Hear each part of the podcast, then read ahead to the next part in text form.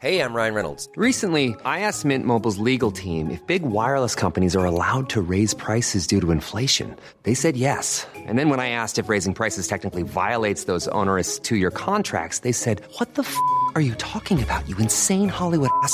So to recap, we're cutting the price of Mint Unlimited from $30 a month to just $15 a month. Give it a try at mintmobile.com slash switch. $45 upfront for three months plus taxes and fees. Promo for new customers for limited time. Unlimited more than 40 gigabytes per month. Slows. Full terms at mintmobile.com.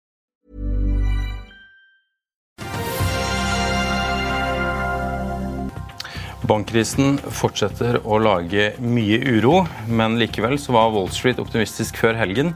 Samtidig mener IMF at eh, den kinesiske økonomien den er eh, nå i full fart oppover.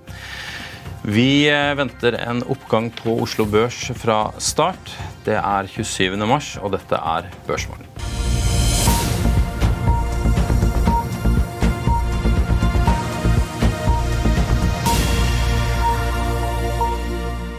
En riktig god eh, mandag og velkommen til Børsmorgen her hos oss i Finansavisen. Jeg er Marius Mørk Larsen, og med meg har jeg Karl Johan Molnes. Det ligger an til oppgang på Oslo Børs. Futures antyder at børsen skal opp 1,2% mens Nordnetts Roger Berntsen tror på 1,3 eh, Til tross for bankuro før helgen var Wall Street optimister, og det forventes at dette vil smitte over på Oslo Børs fra morgenen av nå på mandag. Fredag var jo en ganske blodrød dag på Oslo Børs. Hovedindeksen endte ned 2,93 til eh, 1141,95 poeng. Oslo Børs falt dermed til sitt laveste nå siden 26.10.2022. Blant de 100 mest omsatte aksjene var det kun fire som endte i grønt. Det var også noe med blandet i Asia i natt. Eh, Nikkei er opp 0,4% mens Topix-indeksen klatrer opp 0,5% Shanghai Composite er på sin side ned 1,1% og Samtidig har Det internasjonale pengefondet vært ute og sagt sin si at de ser en robust kinesisk bedring i økonomien, og IMF mener landets økonomi kan vokse med 5,2% i 2023, som er opp mer enn 2 prosentpoeng. Dermed vil Kina stå for rundt en tredjedel av veksten. Brentoljen er opp på morgenkvisten med 0,6% og koster dermed 75,47 dollar fatet. Du, Vi hopper rett på det, Karl Johan. Eh, Hva opptar deg på morgenkvisten? Det er jo uh, siste uka her hvor uh, laksesatten skal gjennom, hvis de skal holde det de lover at det skal komme på plass i løpet av uh, mars. da. Så Det er jo fredag 31. mars. og da Jeg vet ikke hva utfallet blir, og de som investerer, de liker ikke å ta beslutninger på politiske grunnlag. Da. Men hvis man går inn og ser helt kaldt på det, så hvis den blir vedtatt, så er estimatene for høye. Der er analytikere som har 15% skatt, og blir det 40% skatt, så må de ta ned estimatene sine. Og det er jo ikke positivt for lakseaksjene. Men det er den kalde vurderinga av hvordan aksjemarkedet Man må være forsiktig med de aksjene denne uka. her. Og 31. mars det er en brutal dag. Siste dagen i måneden og siste dagen i kvartalet å komme med dårlige nyheter på. Men de fleste store, seriøse investorer har nok redusert eksponeringa si og tar for gitt at nå kommer det en at lakseskatten blir innført. Og hvis ikke så vil det være en stor overraskelse ut fra alt det vi har hørt så langt. Ja, for Høyre gikk jo sjokkerende nok nå ut og sa at de ikke ville ha denne skatten. Så hvis den blir innført, så skal de bare nappe den rett ut igjen. Ja, men det er, det er lenge til det er valg, og, og nå må vi når vi tar det sånn som det er, blir det innført, så er estimatene for høye. Og så det er lenge til stortingsvalg. Det er ikke før i 2025. Og Høyre, Høyre kan ombestemme seg flere ganger før den tid. Hvor fort tror du de vil, vil klare å innføre denne skatten? Nei, det, er det er jo med virkning fra allerede i år, det, det dessverre. Så det er jo det er et av problemene med dette. her, At det kan bli innført allerede med ettervirkende kraft for i år. det er det de har sagt. Så må man jo da man må vente og se her nå. det er, men, men i realiteten er at de har sagt de skal innføre det, og da er estimatene for høye. Det er der vi står. Mm. Tror du de tør å gjøre noen endringer på den, eller blir den innført sånn som varslet? Det vet jeg ikke. Tør, og tør, har de, de har vel kanskje ikke så lyst heller? Dette er politikk. Det er helt umulig å vite hva som skjer. og da eh, investerer, De som investerer, sitter med modellene sine og ser på tre år fram og tre år tilbake. De hater dette her. Det er det, er det verste som fins. Det gjør helt umulig å investere når man holder på sånn som dette her. Mm. Vil ikke det også igjen skape en del uro hvis du, hvis du nå innfører det også? La oss si at Høyre da velger å fjerne det igjen. Vil det være udelt positivt? Det er lenge til 2025. Du, vi må også snakke litt om Kina. Vi var inne på det her i starten at uh, IMF har uh, nå sa jeg at de, var, de har varslet til CNBC, CNBC, det var jo feil. CNBC har varslet at IMF uh, har justert opp sitt syn på Kina. De regner jo med at de får en, en robust vekst i økonomien med 5,2% i 2023. Hva er, er liksom bekymringen for Kina nå over? Kan vi nå liksom eh, bestille fritt og regne med at alt er, alt er, greit fra Asia? Det er jo ikke det. Du ser jo hvordan de behandler sine næringslivsledere. Stifteren Alibaba er flytta til Tokyo, og det er jo ikke så greit å være næringslivsleder i uh, i Kina. og Det kom jo tall i dag tidlig om at uh, industrial profits var ned med 22 de første to månedene. og Du følger jo selv veldig godt bilindustrien der. Det er jo veldig interessant å se hvor godt det går. da, og Det går jo veldig veldig bra, så der skulle man jo tro det blir enda mer enn 5 vekst. så det er, det er, Sektor for sektor så må man se på dette her og sette sammen bitene. Men så lenge det at uh, det går framover og at man får bekreftelsen, så, så så, så, ser det bra ut. Men, men, men, de har jo nettopp hatt en partikongress hvor de tok ned vekstestimatene, og, og hvor de ikke hadde altfor høye vekstestimater. Og du, du følger bilindustrien veldig, uh, veldig nært sjøl. Du har jo hatt en testbiltur med NIO til Trondheim. og Hva var det som skjedde da, eh, Marius? Ja, Det var mye barnesykdommer, det må man vel kunne si. Vi lagde vel en podkastepisode om, uh, om, å kjøre en, en, lang, en langtest med en elbil i kulda. og det det var ekstra mye lading og ting som ikke fungerte som det skulle. Dører som ikke åpnet eller lukket seg. og ja, Biler som frøs igjen på innsiden. og Det var, det var mye rot. Uh, nå er jo NIO en ganske liten aktør. Det er jo det som er, blir sånn skjevt her hjemme i Norge. fordi man, man tenker liksom at eh, Elbil eh, Man, man får litt, sånn, litt, inntrykk at elbil har, har, tatt over hele verden allerede. Og det har de jo, har de jo ikke. Det er jo i, i starten av en, av en ganske lang vekstperiode. Men, men NIO er en av de små aktørene. Og en av de, de tingene som jeg tenker på til, som, som, vi kommer til å se gjennom året, er hvor mange av disse aktørene er det igjen når året er slutt. Men Vil det ikke være naturlig at du eh, oppga batteriforbruk eh, liksom fra minus 10 til pluss 10, eller fra minus 20 grader til pluss 20? og Min erfaring er jo at man bruker 50% mer batteri når det er kaldt. Hvis bilen står ute eller hvis du kjører til jobb, og, og, så går det 50% mer på en kald dag enn en varm dag. Og, uh, stemmer det med de testene du har sett? Eh, ja, det stemmer. Altså, Forbruket stemmer ikke. Eh, men, men, man ser jo det at, at på, i kulda så er jo batteriforbruket mye høyere. Ja. Tesla er jo foreløpig de som er best på det her. og man kan, man kan like eller mislike Tesla, men, men, teknologisk sett så har de vært foran alle andre ganske lenge. Problemet er at liksom, det man ser med, med sånn, uh, sånn type ting, at Vanligvis er det jo vanlig at man, man går, kjører sånne kolonner opp til Arjeplog i Sverige. og Så kjører man rundt i sprengkula der og tester om alt funker. Funker alle bryterne? Setter bilen seg fast når det blir kaldt? Starter i det hele tatt? Og, så og Den vanen har nok ikke de kinesiske bilprodusentene tatt med seg på samme måte. Og Samtidig så har du denne VLTP-standarden som jo er laget etter solskinn og 20 grader. Og da går jo alle de bilene så langt som det de sier. Ja. Selvfølgelig når de kjører i medvind bak en lastebil, men ja, altså Tilbake til det med, med, med Kina-delen av det her igjen. er at, at det, var veldig lett å være veldig positiv til, til utsiktene for elbil for noen år siden.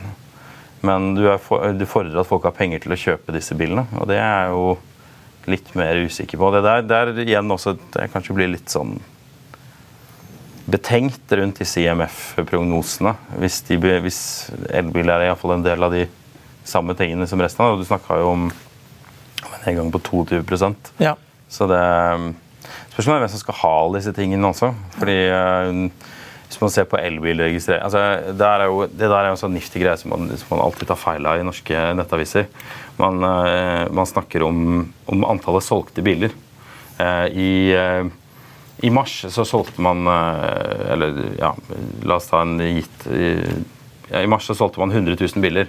Men det gjorde man ikke. Eh, man leverte 100 000 biler og registrerte de, og dermed så teller de som et salg. Mm. Men de bilene er jo eh, solgt, altså skrevet kontrakt på, en eller annen gang mellom i går og 18 måneder tilbake i tid. Eh, og allerede nå så ser man jo at de uansett, uavhengig av dette, så går registreringene i, de er jo i fritt fall i Norge. Mm. mm. Og Norge er jo det landet som for øyeblikket i alle fall per innbygger kjøper aller mest elbiler. Altså det er her vi har den absolutt høyeste penetrasjonen av elbiler. Og det kommer jo også av avgiften igjen. Altså man, man, liker å sitte i Norge og klappe seg selv på skulderen og bare å, vi har vært så flinke til å innføre elbiler, men det er ikke så rart. For Før så var det til og med 100% beskatning på vanlige biler, og da var ikke en elbil en veldig dyr greie. Hvis du dro til Tyskland for noen år siden og kunne velge mellom en dieselgolf mm. som gikk 50 mil på en tank, eller du kunne velge mellom en elektrisk Golf som gikk 25 mil, kanskje på en lading, men kostet ja, 100 000-200 000 mer enn dieselgolfen, så er regnestykket mye vanskeligere. og Det er jo de tingene her må slite litt ja. å innføre. Men, men, Charlie Manger han skryter jo sånn at de tyske bilprodusentene med Build Your Dream er så mye foran Tesla. Er, er det sånn at vi kan, kan vi følge Build Your Dream som en liksom, indikator av alle elektrisitetsforbruket på kinesisk økonomi, at det er bedre å følge salgstallene for det enn mye annet som kommer av data? Tror du det? Tror bid er den eneste som er noe interessant å følge av det. i alle fall. Okay. Altså, sånn Volummessig sett så er det den, den, den, den, er så mye større enn alle de andre selskapene. Ja. At det er den, det, altså Bid er indikatoren for ja. hvordan dette her kommer til å gå i Kina. ikke? Så vi får lage en bid indicator og følge den? Ja, det tror jeg. Altså, det er masse andre selskaper som, som, lager elbiler, og som man snakker om i Norge. og bare, å, dette blir en ny norgesvenn, og bla, bla, bla. Så, så sitter man og kikker inn sin egen elektriske navle. Ja. Men realiteten er at, at bid er volumaktøren. Det er den som er noe å bry seg om. Ja. Alt det andre er helt uinteressant, egentlig. Ja. Så, men hvor Kina går hen nå, det, det, det, det, skal bli interessant å se om de IMF-prognosene er eh, i forkant eller bakpå. Ja. Foreløpig lukter det litt bakpå ut fra de tallene vi ser ellers, i alle fall, indikatorene. Uansett, vi skal snakke bankkrise, og det skal vi gjøre med Pål Ringholm. Vi er straks tilbake etter dette. Vil du bli oppdatert på det viktigste som har skjedd innen finans og næringsliv? Da er det bare å følge med, for hver morgen er jeg, Marius Lorentzen og aksjekommentator Karl Johan Malnes på plass i studio for å ta tempen på dagens marked i Børsmorgen. Og hver ettermiddag oppsummerer vi alt du trenger å vite i økonominyhetene, og det blir selvfølgelig masse interessante gjester. Klikk deg inn på fa.no-tv, eller søk opp Børsmorgen og Økonominyhetene der du hører på podkast.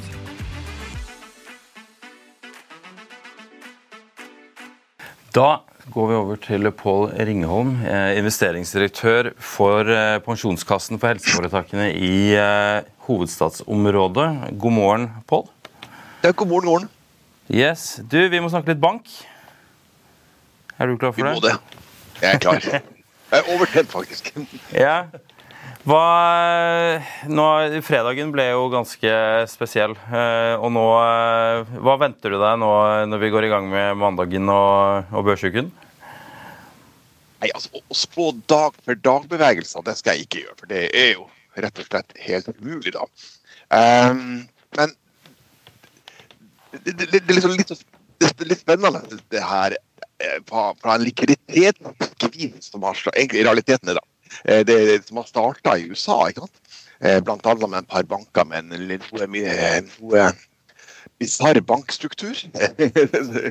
Eh, det starta altså i San Francisco, har spredt seg videre. Eh, vi har en europeer som da er store, Credit Suisse. Så, eh, så, kan det virke som det sprer seg da til de bankene som ligger nederst, eller potensielt da, kan spre seg til de bankene som ligger nederst på tabellen i forhold til eh. Altså det, det, hvordan markedet har verdsatt egenkapitalen i bankene i forhold til verdier. Der ligger jo eksempelvis Eh, vi kan si mye mer om Deutsche Bank etterpå, da, men Deutsche Bank på den nedre halvdel, nedre fjerdedel, faktisk. Så, så der var, ble det litt uro forrige uke, selv om jeg er litt usikker på hvor, hvor reelt det underliggende frykten bør og skal være der. Ja, for du, du sa jo på fredag til Finansavisen at uh, denne gangen så har vi en bankkrise før resesjonen. Uh, vi får ikke en, altså, hvorfor, Hvordan endte vi i denne situasjonen her nå? Ja, har det, det, det Tilbakefallende her er jo det at den, en av de største rentebevegelsene siden, siden, siden 1700-tallet. Eh, når renta er null, og så går den opp da til normalisert This is Paige, the co-host of Giggly Squad, and I want to tell you about a company that I've been loving, Olive and June. Olive and June gives you everything that you need for a salon quality manicure in one box. And if you break it down, it really comes out to $2 a manicure, which is absolutely insane. It's also so easy to get salon worthy nails at home with Olive and June. The difference between how your nails used to look when you did them yourself and now with the Manny system is a complete game changer. The best thing about Olive and June too is it's a quick dry. Dries in about one minute, lasts for five days, and full coverage in up to one to two coats. Visit oliveandjune.com slash perfectmanny20 for 20% off your first system. That's oliveandjune.com slash perfectmanny20 for 20% off your first system. I'll see you in court. Vi sier det ofte litt på spøk, men for deg som driver business, er det aldri moro å innse at du ikke har laget en 100% gyldig kontrakt. Du bør ikke risikere hele firmaet ditt fordi du synes dette med kontrakter er litt stress. En avtale er ikke en avtale. Du kan miste kunder, miste venner, ja, til og med miste inntekter om du ikke lager en skikkelig kontrakt, på alt mulig, egentlig. Men vi vet det er et styr. Kopimaskiner, tregprinter og haugevis av papir. Dessuten stoler vi jo på folk her i landet. Det er ofte litt kleint å skulle be om en signatur for alt mulig, ja, for mye av styret handler også om jakten på underskriften. Det finnes en enkel måte å løse dette på, Dukkobit, en trygg, effektiv og get this, gratis måte å sikre seg en god natts søvn pluss en juridisk bindende avtale. Dukkobit-appen har de strengeste sikkerhetskrav i bunn, samt en EU-godkjent og sertifisert teknologi. Framover vil det bli behagelig å spørre du, skal vi skrive under på det, eller? Kom i gang på dukkobit.no. nivå, så er den relative bevegelsen helt voldsomt. Og I perioder i fjor da, så må du tilbake til rundt 1780 for å finne noe lignende. Um, og når, når, da veldig mange aktører, banker inkludert, har tilpassa seg det gamle rentenivået og tror at det er normaliteten, men så plutselig da en dag så, eh, så er det ikke tilfellet lenger, så får de problemer. Dette er litt analogt da med, eh, med, med saving and loan-krisen. da. da en bankkrise var på, på slutten av 80-90-tallet i USA, da, der bankene lå feil til, feil posisjonert da, på rentebanen. Da. Og Her er det noe av det samme igjen. Her har man eh, eh, trodd tilsynelatende trodd at renta skulle ligge der den skulle ligge. Så får du kraftige forskyvninger, og så når da Fed øker, øker, øker renta, så er det 'something will break'. Og det som, det som eh, smalt denne gangen skulle vise seg å være en regional likviditet for amerikanske banker. Så ergo, du har fått en likviditetsvis før du har fått tap i den underliggende balansen. Men det at vi ikke skal ligge på nullrente, bør jo være altså, Det er greit nok at folk flest bommer på å binde, binde fastrente på en måte, men, men dette bør, burde jo være elementært for ganske mye banker at det nivået de har ligget på, på nå, det er jo ikke i nærheten av normalt? Ja, om jeg er enig, men eh, det er jo sånn at eh, eh hvis du har Hvis en arbeidskarriere starta på 80-tallet, og de, de, de, færreste av oss jobba tross alt på 70-tallet, Eh, så har du opplevd én ting. Eh, du har opplevd den største vedvarende rentenedgang siden 1400-tallet.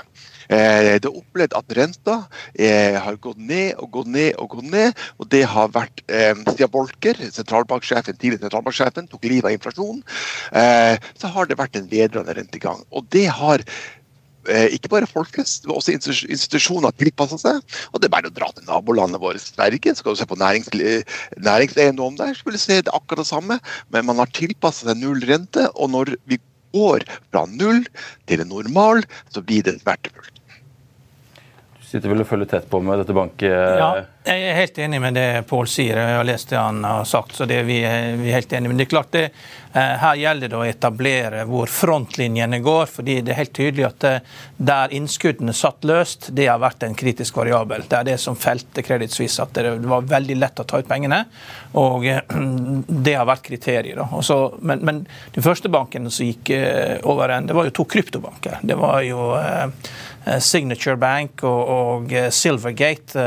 Og så spredde det seg til disse her til Silicon Valley. Og nå, nå i, dag så, i dag tidlig så har en bank fra Nord-Carolina fått kjøpt Silicon Valley Bank. så at man tett tetter liksom igjen noen av hullene, men porteføljen i Signature Bank har ikke blitt solgt. da. Men det store spørsmålet er hva som skjer med Deutsche Bank. og eh, Man skulle jo tro det at det er en bank for tyskere flest, men det er ikke det. altså Det er en bank for veldig mange internasjonale kunder. og eh, Det skal jo bli veldig spennende å se eh, hva som skjer når krigen mellom Russland og Ukraina er over. Og eh, de som har adgang til kontiene til mange av de russiske selskapene, kan begynne å flytte pengene rundt. For det virker som om at det, det er mer stikk i russiske lån og penger som er i Deutsche Bank, enn hva som var i, i, i Credit Suisse. Og et av problemene som sveitsisk bankvesen har, er at uh, UBS har jo mange kunder i Asia, og du ser at Saudi-Arabia, Saudi National Bank har blitt største investor. Så her har du altså en stor sveitsisk bank da, som er dobbelt så stor som BNP i Sveits, og fleste av kundene er i Asia. Så det er jo ikke en sustainable businessmodell heller. Så det er veldig viktig at sveitserne klarer å ta vare på de kundene de har. For hvis ikke så blir også det samla Credit og UBS mye mindre. Og da igjen altså at det, det man før hadde som var unikt i Europa med sekretesse rundt bankvesenet, kan man like gjerne ha i Dubai eller i, eller i eh, Doha eller i, eh, ja, i andre byer i, i Asia da, eller i Singapore. Så her, det er veldig mange bevegelige deler, og Deutsche Bank er den mest usikre biten, som man ikke helt vet hva som skjer med. Ja, for Du, du Paul, du eh, skrev vel eh, før helgen at du tror ikke Deutsche Bank går under på den uroen som er nå. De har verdens beste navn, skrev du for sju år siden i en eh, kronikk i DN. og Det står du for fremdeles? Ja, det er jo verdens beste firmenavn. De etablerte samtidig med Bismarck rundt 1871. så det, det jeg, jeg, og jeg husker på, på gamle tall, jeg kan sjekka morgenkvisten, så utgjorde Deutsche røftlig 50% altså tilsvarende 50 av, av tysk BNP. Altså Hvis du ser på tallene på Deutsche, noe har jeg tross alt holdt på med i helga, må jo ha en hobby, så, så, er det sånn at eh, hvis du tar og la oss si Deutsche med Credit Suisse, da, så har de en mye mer solide innskuddsbase. De har mer langsiktig innlån. De tjener faktisk penger, og de er bedre kapitalisert. Så rent sånn økonomisk sett, eh, så, så, burde de være bedre stilt. Og det er vel, så vidt jeg husker, jeg også verdens femte største altså rentebank, da, er veldig store innenfor det globale rentemarkedet. Men det er klart, hvis markedet finner ut at de skal, eh, at de, at de skal bare teste det her, så, så kan du få en, en, en, en uke med betydelig uro. Eh, det vet jeg ikke, men, men, det kan selvfølgelig skje. Og hvordan, og hvordan skal myndighetene agere i det her? Både i USA og Europa. hvor de skal være beinharde, og de skal si at de står ved de står ved alle innskudd. Og så skal de si at de står ved innskudd over innskuddsgarantien. De skal bare sette opp alle vern og sørge for at ingen tør å teste det. Og så skal de gjøre som det er gjort av USA allerede. De har kjørt på sånne store kredittlinjer der bankene eksempelvis kan ha og sine statsobligasjoner. La oss si de er verdt bare 80, men du får opp til parekurs altså pålydende for de, og så får du lånt penger av sentralbanken. Så du bare setter opp de vernene her, vær beinhard på det, bryte litt gamle prinsipper, og så forhåpentligvis etter hvert blåser det her over. Kanskje. Men det jeg er spent på da La oss si at etter hvert du går det en par banker til, par regionale banker til, hva som skjer da? En, en, mulig utfall da. Da er det neste fase. Kommer det tap? Og det tror jeg det kan gjøre. Går du til USA, så er det ting innenfor næringseiendom som er svært spennende. Der. der er det veldig mye ledighet i enkelte store byer, så der kan det komme en del tap i neste fase. Da. Du snakker om at man, eh, man bryter noen regler, eller man, eh, man, man, går forbi noen regler man vanligvis har. Vil man klare å, å, trekke tilbake igjen det etter en sånn type krisesituasjon som man er oppi nå? Sånn at ikke man bare etablerer en sånn ny normal? da? Ja, det er jo kjempegodt spørsmål. Det er jo selvfølgelig problemet. Men det er samtidig sånn at mens det pågår, så har du ikke privilegiet å sitte der og ha kollokviegrupper og, og, og, prøve å være mest mulig teoretisk. Du må bare løse det. Sånn Suisse, altså det, eh, når det først smeller, så kommer et Finanstilsynet inn på en fredag, og da lukter det pitten over hele banklokalene gjennom hele helga. Men da har de også 48 timer på seg på å løse det. Så da er det bare å finne praktiske løsninger der og da, og så får man ta ting etterpå. Og Det blant annet man må ta etterpå, da, det er jo at eh, tilbake til USA der det starta. Det er det kravene til likviditet, altså at banken til hver tid skal ha likviditet, selv om innskudd går ut. da jo my var jo mye slakkere for, for, for, Silicon Bank enn det er for den minste sparebanken i Norge. Så det er jo en del ting også man har gjort helt feil i forkant, som man må adressere i etterkant. da. Det, det, kom fram her at uh, det var mange som hadde advart uh, CFO-en i Silicon Valley Bank om at han hadde for lang durasjon på porteføljen sin, og han svarte modellen sier det skal være sju år. Jeg ligger under det, så jeg ligger under modell Folk, Og de, og de andre sa nei, nei, nei, du må ikke se på modellen, du er en helt annen bank. Er, du, du, har ikke den innskuddet. Du må ikke se på den modellen, det er for en vanlig bank. Du er ikke en vanlig bank, du må ta ned risikoen. Og Chief Risk Officer han stakk jo av et halvt år før, så man må jo spørre seg hvorfor. Men det er klart det blir litt bedre Det er alltid, det er alltid litt bedre renter å få dess lenger man går ut på Gild-kurven. Så det er jo Gild-kurvens fristelse, den har jo felt mange. Hva, altså, ja. hvordan, eh, hvordan, ser du på risikoen ved å eie bankaksjer nå? Enten både norske eller amerikanske? amerikanske? Høy. den er høy. Men altså, det er ikke noe spesielt syn på det. Jeg vil si at Vi er jo mer langsiktige løfter. Altså, det er høy, men det kan jo ikke være, være gunstig å gå inn på sånne perioder. Man må bare være en type investor som tåler de her svingningene på kort sikt. altså.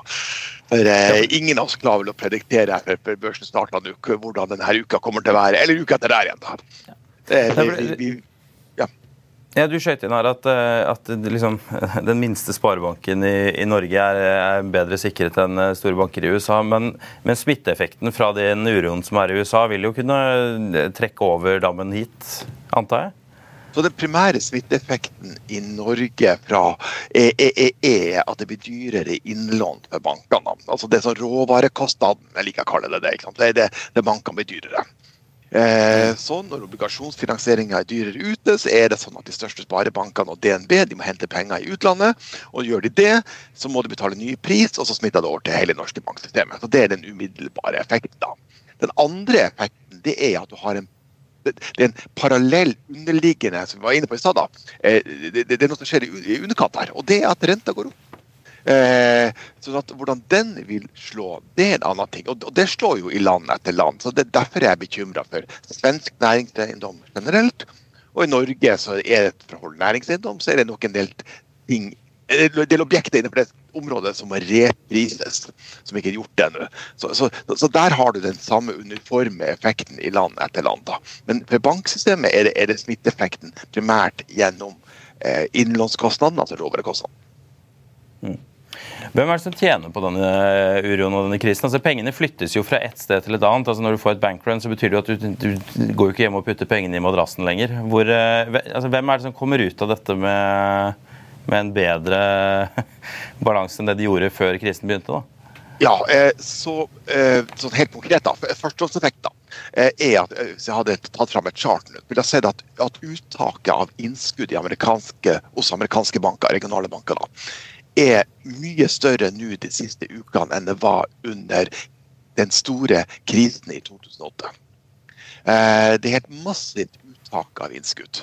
Eh, det ble sagt i studio allerede en av grunnene til det. det, det, det du, du, får 0,5 på innskudd, man kan plassere pengene på 4 i amerikanske statsobligasjoner, eller et eller annet sånt. Så er det en grunn til det. Så vinneren er pengemarkedsfond. Det er pengemarkedsfond som er enorm i USA spesielt. Da. Enorm vekst i pengemarkedsfond i USA. Det går, eh, innskudd går ut av de minste bankene, litt inn i store bankene, men mest til et rentemarked som tilbyr mye bedre avkastning enn det bankene kan gi.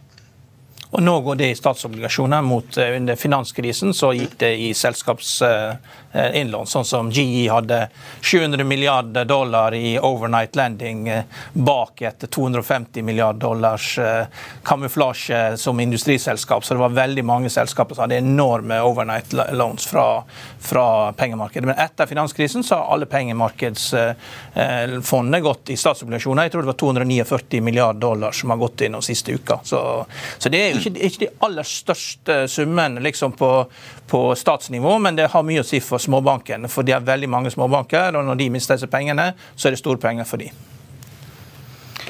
På Ringan, det blir en uh unektelig en spennende uke å følge både bank og finans. Tusen takk. Må, må si det at uh, Boka di Paul, den er veldig etterspurt. Uh, rik på gjeld og anbefales stadig. og Det er mange som leser den, både unge og gamle. så uh, den, Vi har vel fortsatt noen bøker igjen, tror jeg, før at det blir utsolgt. Ja, ja, ja. ja. Lån og kjøp. takk, takk for annonsen. Veldig bra. Tusen takk for at du kom i studio. Da er det vel greit å presisere at uh, Pål Ringholms 'Rik på gjeld' er en Hegnar Media-utgivelse. Sånn at vi har uh, presisert det når den ble plugget i intervjuet. Vi uh, er straks ferdig. Jeg bare minner om at vi har en sending klokken 14.30 i dag. Da vil vi jo følge opp litt hvordan denne børsdagen faktisk blir. Nå starter jo børsene opp og har er vel opp rundt, et, eh, rundt 1 fra start av. Vi får se hvordan fasit ser ut klokken halv tre. Eh, jeg sier takk for følget og minner om at du også kan høre denne sendingen som podkast.